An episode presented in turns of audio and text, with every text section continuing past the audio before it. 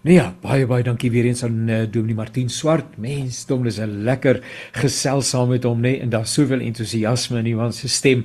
'n uh, Mens sien sommer uit na ouer word as 'n mens na hom luister, nê. Nee.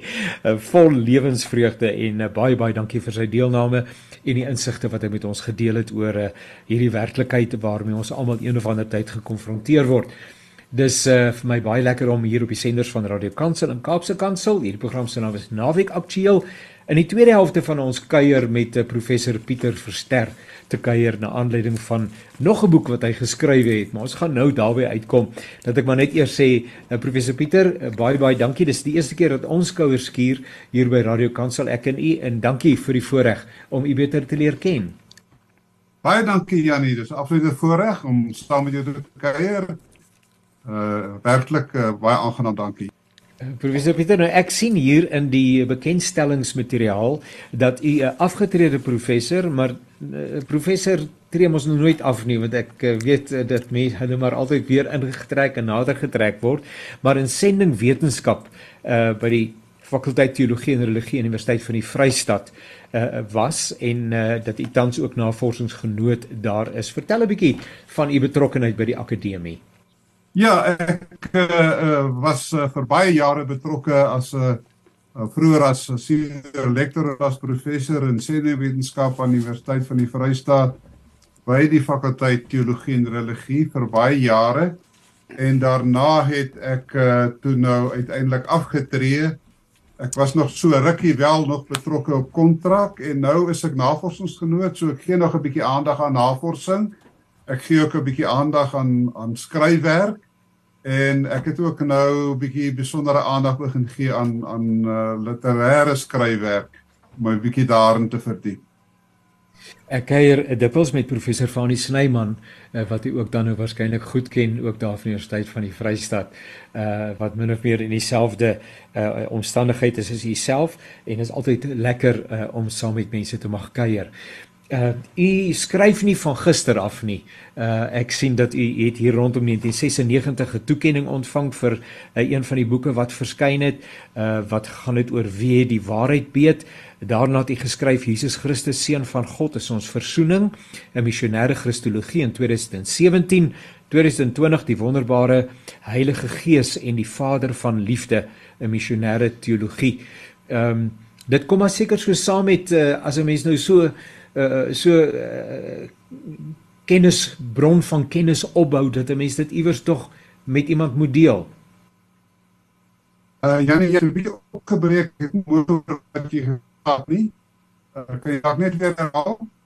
Ja, ek verwys bietjie na u skryfwerk uh en uh, vra oor u oor u werk as 'n skrywer. Ja, ek het 'n uh, uh, heelwat uh teologiese werk gedoen Uh die boekie weer die waarheid weet handel oor die verskillende godsdienste en uh hoe ons daaroor staan en wat ons verhouding met hulle is.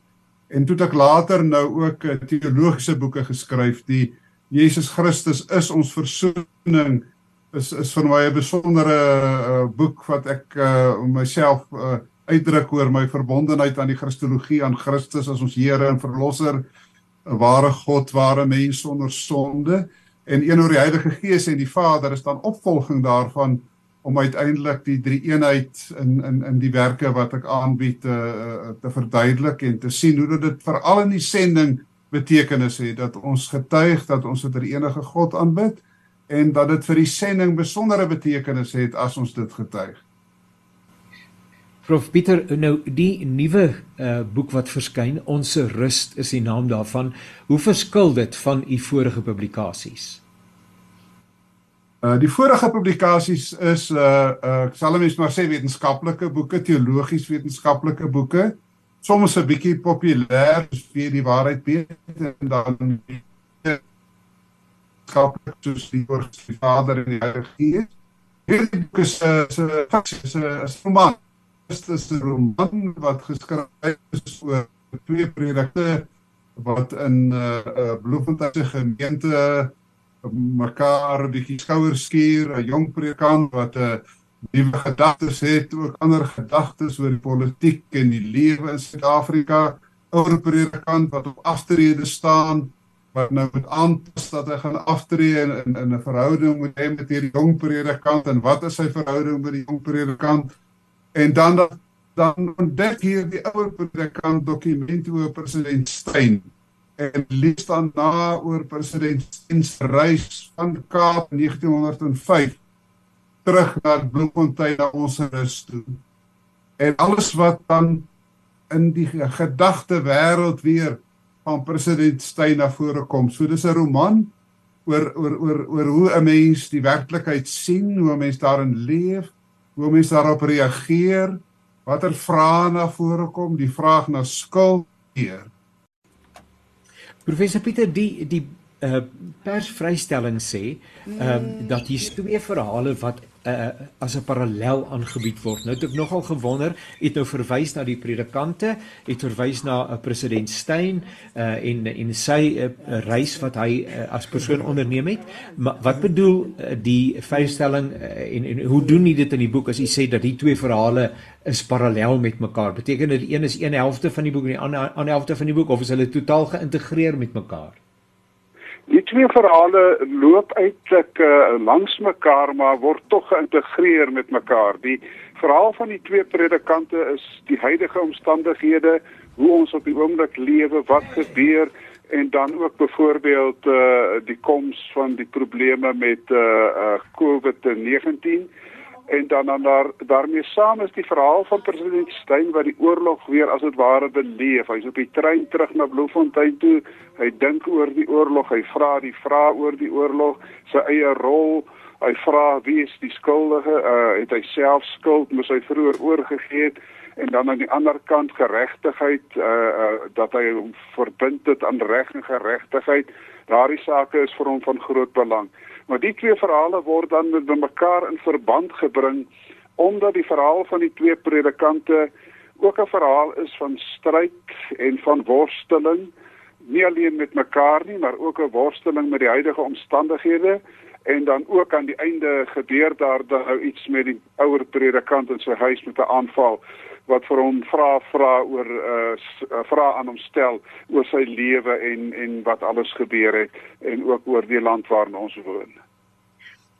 Dis baie interessant want die die ehm um, die spesifieke plot as ek dit mag noem rondom die twee predikante uh is heeltemal lewensgetrou in die sin dat dit tog gebeur. Uh ons ons het nuwe predikante wat afstudeer en ons het predikante wat op uh, emeritaat staan of pensioen met pensioen gaan of uh, wat uh, al 'n ver pad gevorder het uh met die uh, gemeente en die teologie en alles wat daarmee saamhang en 'n uh, mens kan dit jouself voorstel dat dit twee wêrelde is wat mekaar ontmoet en uh, wat uitdagings uh, na vore kan bring. Ja, nee, dit is so. In die boek probeer ek dit aantoon hoe die jonger predikant selfs met so 'n bietjie Engelse woorde en nuwe musiek en die manier waarop hy die die erediens inrig en die ou ja. predikant wat eintlik aan die ouer dinge uh, ouer manier van doen gebonde is en hoe dat dan spanning tussen hulle kom ook oor vrae wat hulle het oor die gemeente en oor die situasie. Maar dan word dit tog uiteindelik uh, bymekaar gebring dat hulle op 'n manier ook mekaar moet probeer vind. Uh dit is omstandighede eintlik wat uh, hulle hele lewe raak en hoe hulle dit op die ou ende ook 'n uh, effek op hulle lewe het. En intussen is die ou predikant aan die worstel ook met dit wat wat hy lees in die ou dokumente wat natuurlik alles fiksie is van president Steyn en hy wonder oor hoe hy gedink het uh, oor oor die oorlog wat hy daarvan beleef het en hoe hy as ouer predikant nou staan teenoor 'n jonger predikant met die jonge predikant wat ook vra het oor die grensoorlog, wat vra het oor die politiek, wat vra het oor apartheid en al die dinge wat daar gebeur het en die ou predikant wat 'n bietjie van 'n ander perspektief daarop het en dan die worsteling van president Steyn op die op die trein en uh, met Tibby en Emily Hopels wat dan ook met hom daaroor praat. Nou hoe die verhaal na u toe gekom. Ek dink altyd dat as 'n mens 'n skrywer is dan kom die verhaal na jou toe. Jy gaan soek hom nie. Uh wat het jy gemotiveer om juis oor hierdie saak te skrywe? Ja, nee, ek het 'n liefde vir die geskiedenis en as 'n mens in Bloemfontein groot geword het en van ons rust geweet het die plaas van president Steyn die wêreld van die ou Vrystaat geken het, gelees het oor die konsentrasiekampe, dan het dit altyd in jou agterkop gebly ek wil eendag iets daaroor skryf. En aan die ander kant ek was in verskeie uh, predik uh, te doen gehad met verskeie predikante in my lewe en ek het uh, persoonlike ondervindinge van hoe predikante verskil en wat in hulle lewe gebeur. En toe het ek gedag, kom ek skep nou hierdie twee karakters, Herman die ouer predikant en Jacques die jonger jonger predikant. Uh dit is nie spesifiek op iemand gebaseer nie. Jy kan sê ek gaan myself nou herken as ek die boek lees nie, maar dit is uh uh karakters wat geskep is. En wat ek toe probeer doen het is om die twee verhale bymekaar te bring. Ons huidige wêreld, ons huidige omstandighede teenoor Salmis maar sê die groot heroïese verlede en maar dat self daardie heroïese verlede uh, is 'n saak waaroor president Steyn dan nog worstel oor sy eie rol en die rol van selfs uh, uh, uh, ons Vader God uh, hoe hy uh, die dinge bestuur in daardie oorlog. Professor die die die die saak waaroor dit in die boek handel, hierdie hele stryd tussen dit wat verby is en dit wat nuut is, dit wat uh, reeds plaasgevind het en dit wat kom en wat op die oomblik besig is om deur te breek, is nie net teoreties nie, alhoewel u u boek ek wil vir u vra, alhoewel die boek uh, soos jy gesê het 'n roman is, dis fiksie, dit is nie op uh, enige iemand spesifiek se lewe geskoei nie, maar maar u is 'n afgetrede professor. Ek is self 3 jaar geëmeriteer uh hierdie hierdie hierdie stryd in jouself tussen dit wat was en dit wat tans aan die gebeur is en dit wat vorentoe lê is nie teoreties nie. Dis 'n praktiese daaglikse werklikheid in ons lewens.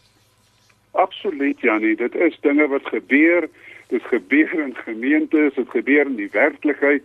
Dit is dinge wat ons raak op op verskillende terreine en dan probeer ons onsself daar soos 'n bootjie stuur deur die golwe om te sien hoe moet ons daar deurkom en dit raak natuurlik die jonger predikant ook hoe de, hoe moet hierdie jonger predikant op die situasie reageer hoe moet hy staan teenoor die ouer predikant en en die ouer predikant weer hoe moet hy teenoor die jonger predikant reageer maar uh, hoe moet hy ook nog vir homself 'n plek in 'n uh, in die samelewing vind en hoe staan hy oor teenoor die gemeente? Wat watter uitdagings is daar nog vir hom in die gemeente? Al die soort van dinge is regtig 'n uh, realiteit op die oomblik nee dit is dinge wat plaasvind en dan ook as mens gaan kyk na die geskiedenis die worsteling van president Steyn daar die oorlog uh, wanneer mense daaroor dink is daar baie vrae en wat nog steeds na vore kom 'n heroïese oorlog maar tog ook die vraag uh, moes hulle so aangehou het moes hulle so lank aangehou het En dan is daar tonele in die konsentrasiekamp wat mense ook die vraag wat vra uh, was dit regtig die moeite werd? Uh en maar tog aan die ander kant uh, president Steyn se se absolute oortuiging dat reg en geregtigheid ook van 'n klein volkie moet geskied. Professor, vir wie is die die boek geskrywe? Wie sou u graag wou hê moet dit lees? Ja nee, dit is vir 'n breë publiek geskrywe, maar dit sal sekerlik 'n uh, meer die Afrikaanse gemeenskap wees, die Afrikaanse gemeenskap wat ook 'n bietjie wonder oor die geskiedenis, die me kerkmense, dit sal 'n bietjie vir hulle raak. Ek dink nie iemand wat met totaal ateïsties of so sal regtig in die boek belangstel nie. Maar mense wat in die kerk is, wat ook die vrae het oor die kerk, mense wat die geskiedenis liefhet, Afrikaner mense oor die algemeen sal die boek interessant vind. En ek dink dit sal as ek hoop ek kan die einde tog vir hulle 'n bietjie uh ek wil nie sê berusting gee nie, maar ook 'n bietjie hoop gee uh dat daar tog daarin 'n uh, soos iemand gesê het dit is in hierdie donker wêreld trek 'n mens die gordyne bietjie weg en die lig skyn deur en en dat daar tog uh, vir ons as mense uh, genade in hierdie lewe is. Inderdaad en dis 'n wonderlike hoopvolle uh slotsom uh, waartoe u dan ook in die boek kom. Uh net sommer so tussen hakkies, uh mense wat nou so lekker skryf soos u self, is daar iets anders wat nou al krap en wat juk en wat sê ek wag om geskryf te word? Uh ek het nog so so 'n paar ander dinge en dis sou seker 'n bietjie daaraan moet werk. Ek het vroeër 'n digbundeltjie uitgegee, by 'n groot uitgewer nie, maar sommer selfpublikasie en ek werk op die oomblik ook weer aan 'n digbundeltjie en dan is daar so 2, 3 idees vir romans wat tog op die tafel lê uh, waaraan 'n mens begin werk. En dan ook my teologiese werk uh, werk ek ook 'n bietjie ek wil 'n bietjie werk oor die eskatologie en die sending. Ja, maar dit sal lekker wees om by 'n volgende geleentheid dan 'n bietjie nader aan daai eh, spesifieke sake te kom en met u te gesels ook oor die oor die ontwikkeling en die veranderinge wat daar gekom het in ons hele missionale verstaan uh van die manier ja. waarop ons groot geword het, hoe sending wetenskap aanvanklik na ons toe gekom het uh ook in die universiteit en hoe dit verander het in terme ook van u dat dit genoem uh van van verskillende godsdienste uh en die dialoog met ander godsdienste alles wat daarmee saamhang en hoe dit ons deesdae na ander mense kyk wat ander oortuigings het. So iewers merk ek klaar vir u professor uh, dat ons daaroor met mekaar saamkuier. Net om te sê dat hierdie boek uh, die naam daarvan is die naam van hierdie boek is Ons Rust. Uh en uh, dit is dan professor Pieter Verster wat dit geskryf het en uh, professor dit is beskikbaar soos hulle altyd maar sê by alle goeie boekwinkels of hoe moet ek sê Ja, uh die maklikste amper is om dit by Naledi uitgewers se uh, uh webtuiste tuisblad te bestel. Hulle lewer dit by jou af. Dit is 'n uh, maklike manier en jy jy uh reël dan maar net dat hulle dit uh, dat jy dit so by hulle kan bestel. Maar dit is in boekwinkels beskikbaar. Uh en selfs in Bloemfontein by myself as iemand dit uh, wil kom kry.